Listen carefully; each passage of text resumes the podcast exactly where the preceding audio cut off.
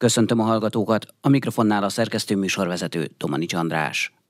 Felrobbant egy kis bolygó a Föld légkörében. Az emberméretű égitestet néhány órával korábban egy magyar csillagász Sárnecki Krisztián fedezte fel, mondta az Ötvös Lórend kutatási hálózathoz tartozó Csillagászati és Földtudományi Kutatóközpont főigazgatója. Herceg Zsolt kérdezte Kis Lászlót. Vasárnapról hétfőre virradóra Sárnetki Krisztián magyar csillagász a Piszkés Tetői Obszervatóriumból, a Mátrából egy dedikált keresőprogram keretében felfedezett egy kisbolygót, amiről nagyon gyorsan egy ilyen fél-egy órán belül kiderült, hogy hétfőn hajnalban ütközni fog a Földdel. A felfedezéskor nagyjából negyedmillió kilométerre, tehát a hold pályán belül tartózkodott már ez a kőszikla, ami aztán a számításoknak megfelelően valóban be is csap csapódott. Magyar idő szerint reggel 4 óra környékén a Lamás csatorna térségében, és bevilágította az éjszakát. Dél-Nagy-Britanniában, illetve Észak-Nyugat-Franciaországban, de még Brüsszelből is nagyon szép videófelvételek készültek. Egy telihold fényességű légköri robbanással végezte ez a kisbolygó az útját. A dolog jelentőségét az adja, hogy mindösszesen az elmúlt 20 évben ez hétszer sikerült, hogy kisbolygót becsapódás előtt felfedeznek csillagászok. Ebből három három az elmúlt 11 hónapban következett be, és ebből a háromból kettő Sárneszki Krisztián nevéhez fűződik. Tehát mondhatjuk azt, hogy ez egy olyan terület, amiben a magyar csillagászok kiemelten Sárneszki Krisztián abszolút a világ élvonalában vannak. Kis bolygó, de mennyire kicsi?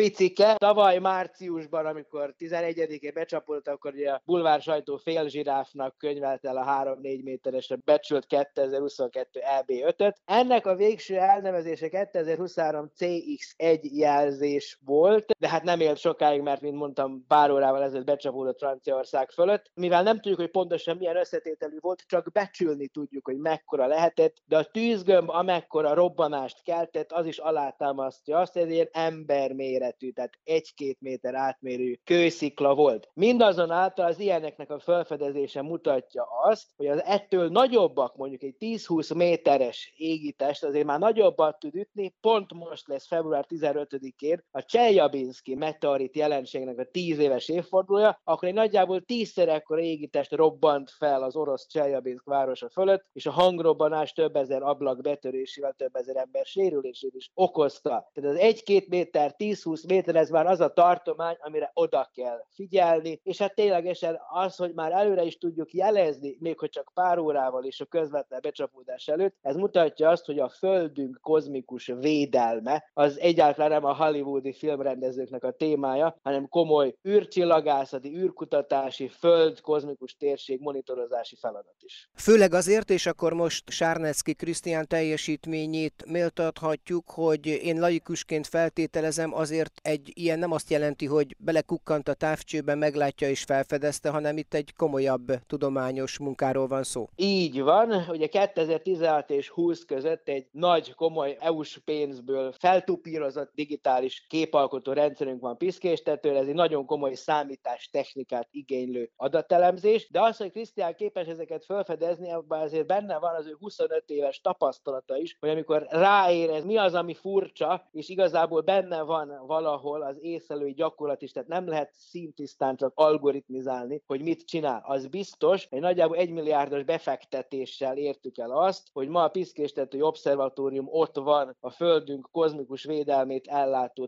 távcsőrendszerekben, ahol az élvonal van, de hát ugye ott fedez föl, ahol éppen éjszaka van, tehát például ennek az égitestnek az amerikai nagy monitorozó rendszereknek esélyük sem volt, hogy felfedezzék, hiszen Amerikában még nappal volt. Tehát igazából ténylegesen szükséges minden földrajzi hosszúság mentén elhelyezni ilyeneket, és Álszi Krisztál azt, hogy ezt képes megcsinálni ténylegesen vidékre dedikált céltámogatás nélkül jelenleg még, ez azért érdekes, és hát mindenképpen arra utal, vagy azt mutatja, hogy szükséges további fejlesztés. A dolognak furcsa iróniát kölcsönöz, hogy pontosan szerdán érkezik az Európai űrügynökség űrbiztonsági delegációja, a magyarországi szaktudást fölmérni, cégek, kutatóhelyek képességeit összeszedni, és én reményeim szerint nem teljesen visszhangtalanul fogom majd tudni felajánlani a Csillagászati és Földtudományi Kutató Központnak a kisbolygó felfedező kapacitásait, mert azt kell, hogy mondjam, hogy Európában még egy ilyen sikeres program rajtunk kívül nincsen. Egy kérdés erejéig még visszatérve erre a konkrét becsapódó kisbolygóra, bajt ez nem okozott, igaz? Nem, ez nagyjából 60-80 kilométeres magasságban egy nagy robbanás keretében szétesett. Van esély, hogy ilyen kisebb meteoritkövek elérték a Föld felszínét, de ugye a Földünknek a vastag légköre, ez a 10-20 méter átmérőjű, tehát a nagyjából autóbusznyi méretig kellő védelmet biztosít. Az, hogy még egy-két kör leesik a végén, az már fogalmazunk úgy, hogy sok vizet nem zavar, ha csak vízben nem esik. Az ettől nagyobbak, a 30-40 méteresek azok, amelyek képesek átverekedni magukat a földi légkörön, és akkor közvetlenül mondjuk lakott településre bezuhanva akár katasztrófát is okozhatnak. Ilyenek szerencsére mondjuk így 10 évente vannak, de ezeket is azért milyen jó lenne előre tudni. Szóval ez a terület mindenképpen folyamatos fejlesztéseket igényel. Sigma, a holnap világa. Az űrtevékenység nem veszélyezteti érdemben az ózonréteg visszaépülésének folyamatát, mondta az Országos Meteorológiai Szolgálat adatellenőrzési osztályának vezetője. Razgonyi Ádám elsőként az ózonréteg jelenlegi állapotáról kérdezte Tóth Robertet. A magas légköri ózonréteg az, ami véd bennünket a káros ultraibolya sugárzástól. Ez olyan 15 és 25 kilométer magasságban található, eléggé ilyen diffúz módon szétszórva, tehát ezt nem úgy kell elképzelni, mint valami sűrű réteget a, a légkörben, és biztató összképet tudok mondani, amikor ez a probléma előkerült, és a kutatók megbizonyosodtak arról, hogy mi zajlik odafönt a légkörben, és azt hogy lehet mérsékelni az ebből keletkező problémát, ez a múlt század 80-as éveire tehető, akkor beindult egy elég hatékony nemzetközi összefogás ennek a problémának a kivédésére. Ezt vetették papírra a Montráli jegyzőkönyvnek nevezett környezetvédelmi megállapodásban, amihez manapság már valamennyi ENSZ tagállam csatlakozott, és ez a nemzetközi összefogás oda vezetett, hogy körülbelül 2000 körüli évektől kezdve csökken a légkörben található ózon réteget lebontó anyagok koncentrációja. Maga az ilyen anyagoknak a felhasználása az körülbelül 1990 körül érte el a maximumát, amikor közel két millió tonna ilyen anyagot használtunk föl évente, úgy világszerte. Ezek nagyon kedvelt anyagok voltak, főleg ipari, de mezőgazdasági célokra is, és hát azóta sikerült a legtöbb alkalmazásban megfelelő, a környezetet nem terhelő alternatív megoldást találni, és erre a legtöbb helyen át is tértek. Persze azt azért tudjuk, hogy a környezetvédelmi tudatosság, illetve a környezetvédelmi ellenőrzés hatékonysága, hát az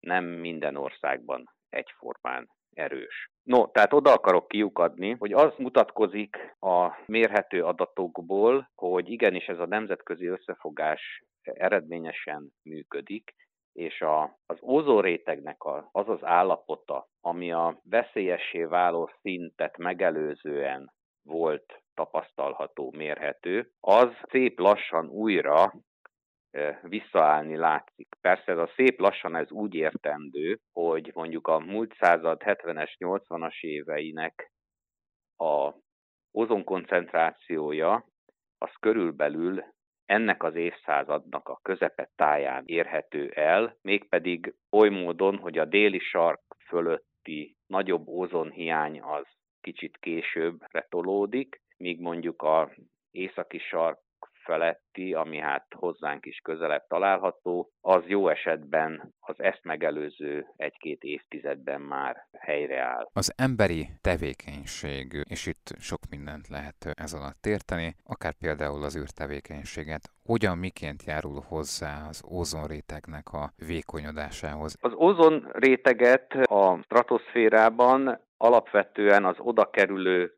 klór és bróm ionok pusztították, bontották, illetve hát még teszik mai napig is. Egyébként ez az ózon a környezetünkben természetes úton, módon is keletkezik, illetve bomlik el. Ezeket a klórt vagy brómot tartalmazó mesterséges vegyületeket a múlt század, mondjuk úgy a 30-as éveitől kezdték el egyre elterjedtebben alkalmazni. Vélhetően az egész ózon problémát ez az emberi tevékenység okozta. Ugye nagyon előszeretettel használták hűtő- és klímaberendezések hűtőközegeiként, szigetelő habok alapanyagában, a különböző szórópalackok hajtógázaként, de ezek között nagy számban voltak gyógyszerek is, például asztma elleni szerek. A mezőgazdaságban üvegházak fóliasátrak alatti talajok fertőtlenítésére használták. Tűzoltó gázokként is. A gazdaság széles körében elterjedt ezek használata, és hát a használat legvége általában az lett, hogy a levegőbe kerül az anyag. Mert amikor az a hűtőgép eléri élettartama végét, hát korábban senki nem foglalkozott a benne található hűtőközeg visszagyűjtésével, a halonos tűzoltókészülékből kifújták a tűzre a halont, ha szükséges volt, vagy rossz esetben csak elszivárgott. Tehát ezek előbb-utóbb a légkörbe jutottak.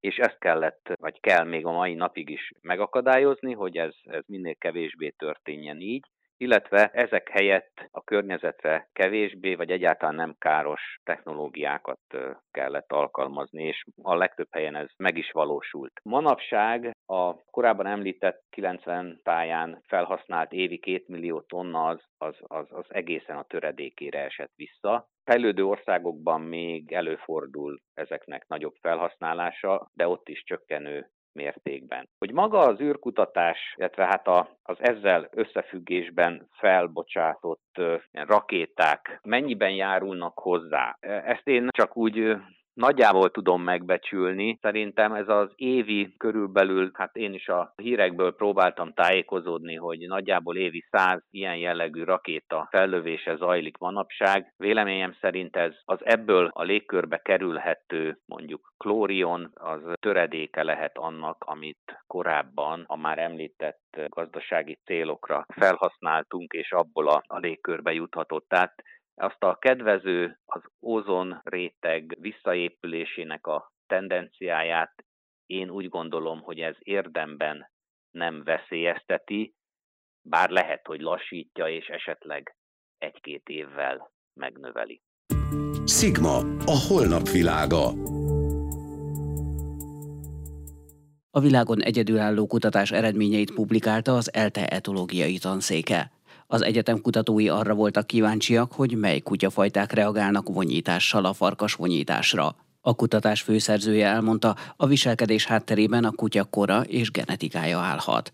A részletekről Imre Júlia kérdezte Lehocki Fannit, az ELTE posztdoktor kutatóját. Arra voltunk kíváncsiak ebben a kutatásban, hogy találunk-e bármiféle különbséget abban, hogy a különböző fajtájú kutyák hogyan reagálnak farkasoknak a vonyítására, ugyanis a farkasokról rengeteg mindent tudunk, hogy hogyan, miért és milyen célra használják a vonyítást, viszont a kutyáknál erről semmilyen információnk, tehát tudományos információnk nincsen, így szeretük volna megvizsgálni azt, hogy mit tapasztalunk náluk, van-e különbség a különböző fajták közt, hogy mennyire hajlandóak vonyítani, mennyire váltja ki belőlük ezt a viselkedést a, a farkas vonyítás, amit tudjuk, hogy a farkasoknál sok esetben a vonyítás válaszvonyítás vált ki, szóval mi erre voltunk kíváncsiak, hogy tapasztalunk-e ilyesmit, mert a köztudatból kutyagazdi tapasztalatok alapján úgy tűnik, hogy igen, és szerettük volna ezt tudományosan is megvizsgálni, hogy valóban létezik-e ilyen. És milyen eredményekre jutottak? Miért lehet az, hogy míg az egyik kutya vonyít, a másik egyáltalán nem?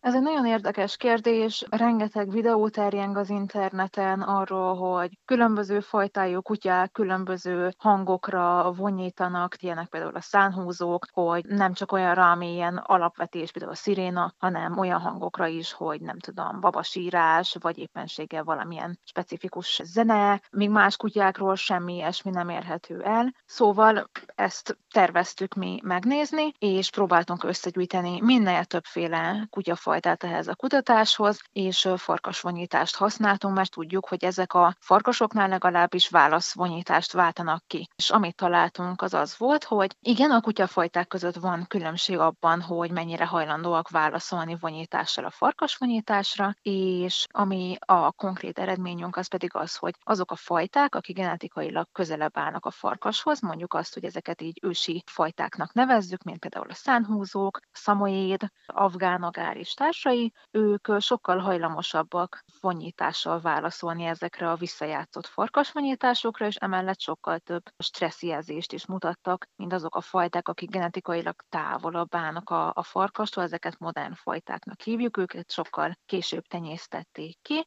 Viszont ami egy fontos faktor vélt még ebben a dologban az az, hogy mennyi idős a kutya, ugyanis a fajták közti különbséget csak és kizárólag az idősebb kutyáknál, 5 év feletti kutyáknál találtuk így a vonyításban, vagyis azt jelenti, hogy az 5 év alatti kutyák hasonlóan reagálnak fajtától függetlenül erre a fajta vonyításra, ez a genetikai hatás ez csak egy bizonyos kor fölött jelenik meg. Azt lehet tudni, hogy a kutya környezete, tehát azok a körülmények, amiben ő szocializálódott, az mennyire befolyásolja, hogy ő vonyítani fog, vagy sem? Ez egy nagyon-nagyon jó kérdés. Ebben a kutatásban ezt nem vizsgáltuk, viszont gyűjtöttünk erre vonatkozó információkat már kérdőívekkel a, a kutyagazdáktól, akik részt vettek ebben a kutatásban. Reményeink szerint ez is hamarosan publikálásra kerül, és meg tudjuk majd osztani azt, hogy melyek azok a faktorok, amelyek így befolyásolják még a kutyának a vonyítási hajlandóságát, tehát az, hogy például más kutyákkal éle együtt, vagy éppenséggel erőteljesebb személyiséggel rendelkezik az a kutya úgynevezett asszertív személyiséggel. Tehát, hogy nagyon sokféle, sokféle kérdést feltettünk a gazdáknak, de ebbe a kutatásba sajnos most nem fért bele. És a kutyák vonyításának hasonló okai lehetnek, mint a farkasokénak? Ugye a farkasoknál a vonyításnak kettős funkciója van. Egy részről a territórium határainak a kijelölése, és ennek ezáltal így a kommunikációja a nem falkatag farkasok irányába, tehát az idegen farkasok irányába. Másrésztről viszont a falkatagok egymás között is kommunikálnak vonyítással, hogyha egymástól távol vannak, akkor ezáltal osztják meg egymással a helyzetüket, hogy éppen hol helyezkednek el. A kutyáknál azért lássuk be meglehetősen más az egész berendezkedés, az ilyen szociális berendezkedést. A kutyák ritka esetben élnek falkában, és nem jellemző, hogy így nagy távolságokra elkerülnek egymástól. A territóriumok is meglehetősen ki vannak jelölve, tehát hogyha gondoljunk csak a kerti kutyákra, tehát hogy nincs szükség a vonyítás ilyen fajta használatára, viszont az, hogy még ők ezáltal így reagálnak például a farkasvonyításra, az még lehet a maradéka ennek a fajta viselkedésnek, főleg ugye ezeknél az ősi fajtáknál, akik genetikailag közelebb állnak a farkashoz, köztük például a szánhozók olyanok, akiket még ma is tarthatnak olyan körülmények között, tehát a ténylegesen munkára használt szánhozókat például Szibériában vagy Észak-Amerikában, hogy egymástól a falkatagok messzire tudnak elkerülni az ilyen edzések vagy sportesemények során. Tehát náluk még akár lehet is relevanciája, de ezt nem tudjuk pontosan, ezt nem vizsgáltuk. Viszont az egy számunkra is még mindig egy rejtély, hogy ami nem vonyítás, hanem egy mesterséges hang, hogy azok vajon miért váltanak ki vonyítást a kutyákból, mi alapján, mert tényleg hatalmas az egyedi különbség a kutyák között, tehát valaki erre reagál, valaki egy másik hangra reagál. Tehát, hogy ez viszont nagyon érdekes kérdés, mert vannak hangok ugyan, amik hasonlítanak a vonyításra, például beszéltünk a szirénáról, de vannak hangok, amiknek teljesen más az akusztikája, mint ennek a, a hangtípusnak, így nem tudjuk, hogy azok miért válthatják ki ezt a hangot a kutyáknál, tehát ez még előttünk áll, hogy ezt megvizsgáljuk. Sigma, a holnap világa.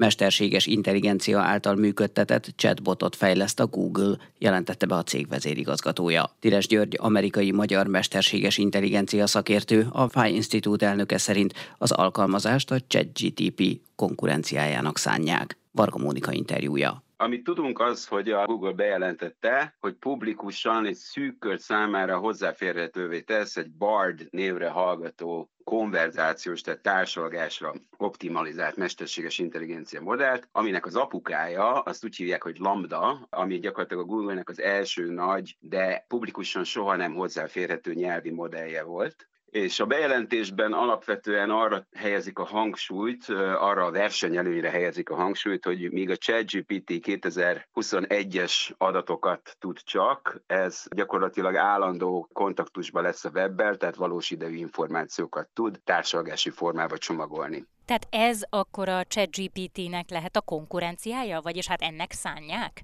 Biztosan az indokolja, vagy mondjuk úgy, hogy erős sejtéseink szerint az indokolja azt, hogy jó pár hónappal korábban kijöttek egy termékkel, hogy a ChatGPT még a Microsoftot és az OpenAI-t is meglepve nagyon nagyot ment a médiában, és 100 millió usert szerzett magának két hónap alatt. Tehát mindenképpen a Google-nek lépnie kellett legalábbis a brand felismerés tekintetében, viszont ez biztosan még experimentális fázisban van a Google, gyakorlatilag arra törekszik, hogy ezt most tesztelje userek sokaságán, akik most feliratkozhatnak arra, hogy használhassák, vagy belenézhessenek, de egyáltalán nem várható, sőt szerintem a Google nem is szándékolja azt, hogy nagyon gyorsan ki legyenek nyitva a kapuk, hiszen arra próbálja a versenystratégiáját alapozni, hogy ennek a nyelvi modellnek, vagy ennek a társadalmi orvosi modellnek kevesebb gyermekbetegsége legyen, mint amikor a ChatGPT november végén kikerült az internetre. Ez a jövő, az ilyen az bizonyos, hogy a jövőnek egy lényeges szelete lesz, hiszen a ChatGPT